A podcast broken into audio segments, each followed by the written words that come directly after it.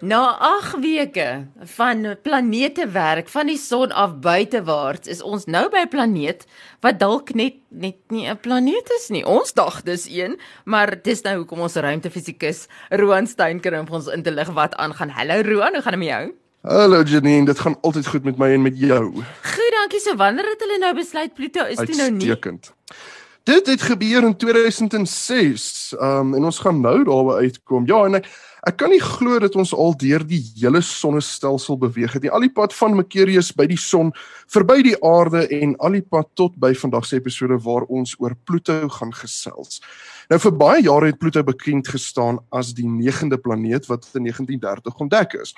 En die ontdekkingsstorie van Pluto is ook net so interessant. Jy sal onthou Janine, ons het uh, oor die ontdekkingsstorie van Neptunus gesels en hoe die bestaan van die planeet uh, eers op papier bewys is en toe eers met 'n teleskoop waargeneem is. Nou Pluto het amper dieselfde storie. Uh, wetenskaplikes in die vroeë 1900s het beweer dat nie net Neptunus verantwoordelik kan wees vir die versteurings uh, wat hulle waarneem in Uranus se wentelbaan nie. Hulle het beweer dat daar nog 'n planeet moet wees wat 'n invloed het op Uranus se wentelbaan. Nou om 'n lang storie kort te maak, Pluto is toe ontdek in 1930 en is benoem deur 'n 11-jarige skooldogter met die naam van Venetia Burney van Oxford, Engeland. En sy is ook betaal vir haar bydrae wat in vandag se tyd gelykstaande sou wees aan 500 Britse pond. Maar die ontdekkingsstorie stop nie daar nie. Oor die jare het wetenskaplikes die die massas van planete al hoe fyner kon uitwerk, soos tegnologie maar ontwikkel het. En die wentelbane van planete hang baie sterk af van die planeet se massa. Dus as jy die verkeerde massa vir die planeet uitwerk, gaan jy nie sy wentelbaan reg uitwerk nie. Maar soos wetenskaplikes die massas van die planete met meer en meer akkuraatheid kon bepaal, het hulle gesien dat daar eintlik nie 'n negende planeet nodig was om die versteurings in aanhalingstekens in Neptunus se wentelbaan te verduidelik nie.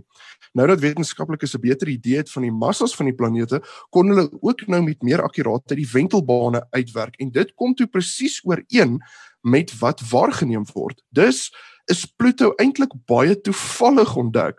Hulle het spesifiek vir 'n planeet gesoek om die wentelbaanversteurings te verduidelik en toe ontdek hulle Pluto, maar kom toe ook op dieselfde tyd agter dat Pluto nie verantwoordelik kon wees vir die wentelbaanversteurings nie en dat daar nie eintlik versteurings was in die eerste plek nie, net foutiewe data.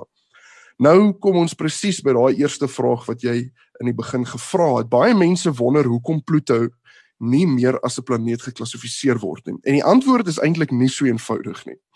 Die definisie van 'n planeet is maar eers in 2006 vasgemaak om juis te probeer vasstel of Pluto aan die vereistes voldoen. Nou om weer eens 'n lang storie kort te maak, die definisie van 'n planeet volgens um wat ons noem die IAE, die uh, International Astronomical Union, is drievoudig. En eerstens, die planeet moet om die son wentel. Tweedens, hy moet 'n groot genoeg massa hê om genoeg gravitasie te hê om homself rond te maak. So ons praat van hy moet in hidrostatiese ekwilibrium wees. En derdens, hy moet die area in sy wentelbaan skoon gemaak het. Dit wil sê dat daar is nie ander voorwerpe soos rotse en klippe, asteroïdes ensovoorts in sy wentelbaan nie. En dit is ongelukkig op hierdie derde punt waar Pluto die definisie van 'n planeet val. Die groot debat het juis begin omdat daar al hoe meer en meer en meer voorwerpe ontdek is wat net so groot soos Pluto is. In sekere gevalle groter as Pluto is en min of meer in dieselfde wentelbaan as Pluto is. Want die vraag nou is, moet al daai ander voorwerpe ook geklassifiseer word as planete en basies in die proses die meneer van as rympie in Afrikaans so lank soos 'n liedjie maak?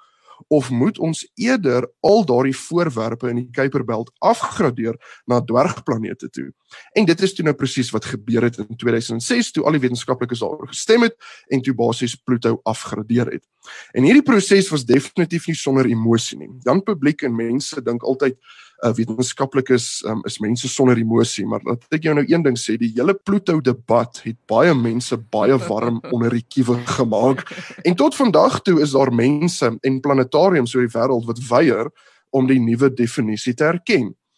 En Janine, dit is nou eintlik juis op hierdie interessante punt waar ek wil aansluit by Romeine 1:20 en ons weet dat Romeine 1:20 sê want hulle kan sy onsigbare eienskappe, naamlik sy ewige krag en sy goddelikheid reeds van die skepping van die wêreld af duidelik uit sy hande werk waarneem. En alhoewel vandag se Romeine 1:20 dalk nou nie oor die fisiese eienskappe van Pluto gaan nie, herinner dit my aan iets wat ons elke dag raakloop. Miskien gebeur dit met jou of miskien is jy self skuldig daaraan en dit is die feit dat ons sit mense in boksies. Ons plaas mense in boksies. Ons word gedefinieer deur ander mense en ander mense definieer ons. Maar wie is ons om iemand anders te definieer? Oftewel, wie is mense om jou te definieer? Jy kry jou identiteit van die Here af. Jy hoor by die Here wie jy is en wat jy beteken vir sy skepping. Moet nooit jou ore uitleen en by ander mense hoor wie en wat jy is nie. En dit is dieselfde met Pluto. Hier sit ons met 'n voorbeeld van 'n identiteitskrisis. En dit is net mense wat besluit het of Pluto nou in die planeetkamp is en of hy nou buite die planeetkamp is. En die mense wat dit besluit, is net mense. Net so word ons in kampe geplaas deur mense en dit maak ons seer. Ek gaan met jou eerlik wees, toe um, ek op laerskool was baie jare terug, het ek 'n wiskundeonderwyseres gehad wat vir my gesê het ek sal nooit goed wees in wiskunde nie. Ek het net eenvoudig nie dit wat dit vat om wiskunde te verstaan nie. Nou gelukkig het ek myself nie aan haar gesteer nie en gelukkig en ek dank die liewe Here daarvoor het ek haar nie toegelaat om my te definieer nie. En vandag sit ek in 'n werksplek waar ek niks anders doen as wiskunde nie. En wiskunde is die taal waarmee die wetenskap gepraat word.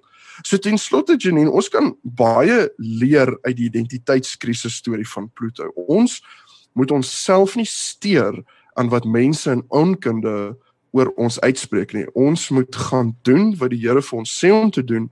Ons kry ons definisie, ons kry ons doel en ons kry ons identiteit net by die Here alleen. Mm.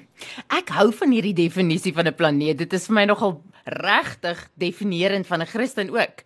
As jy nou praat van God se mense wat anders is as die wêreld om hulle, hierdie dat hy moet om die son gaan, so om Jesus te volg. Um Joyce Meyer het hierdie afgelope week gesê dat jy moenie jouself 'n Christen noem as jy nie bereid is om vir Jesus te volg nie.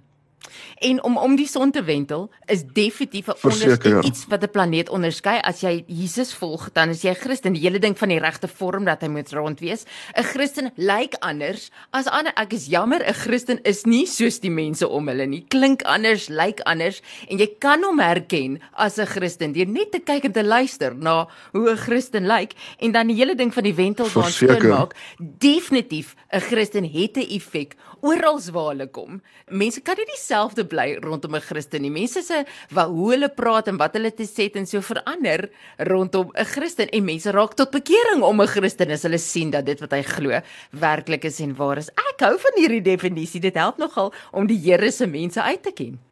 Ja, verseker, dit is dit is baie goeie instig wat jy daar raakvat dat jy kan eintlik die Christen definieer saam met die planeet. En en dit is waar. Ek, ek dink 'n Christen um, in jou daaglikse wandel in die lewe kry jy met mense te doen en hulle moet kan sien dat jy is 'n Christen en jy is 'n lig wat skyn. Ja. En jy kry met mense op jou amper sê jy weet om as dit ware jou wentelbaan te doen en jy het 'n groot invloed op die mense in jou wentelbaan as dit ware.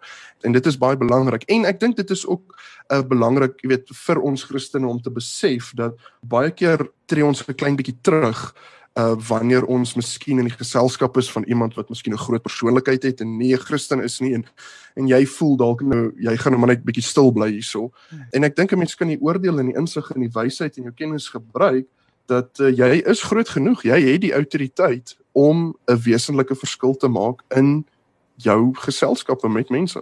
Verseker, so mag Pluto ons altyd inspireer om uit te staan en herken te word as 'n Christen van ver af moet hulle met hulle teleskope kyk, moet hulle jou kan sien en nooit daaroor wonder nie. Daar's hy Pluto, Romeine 21.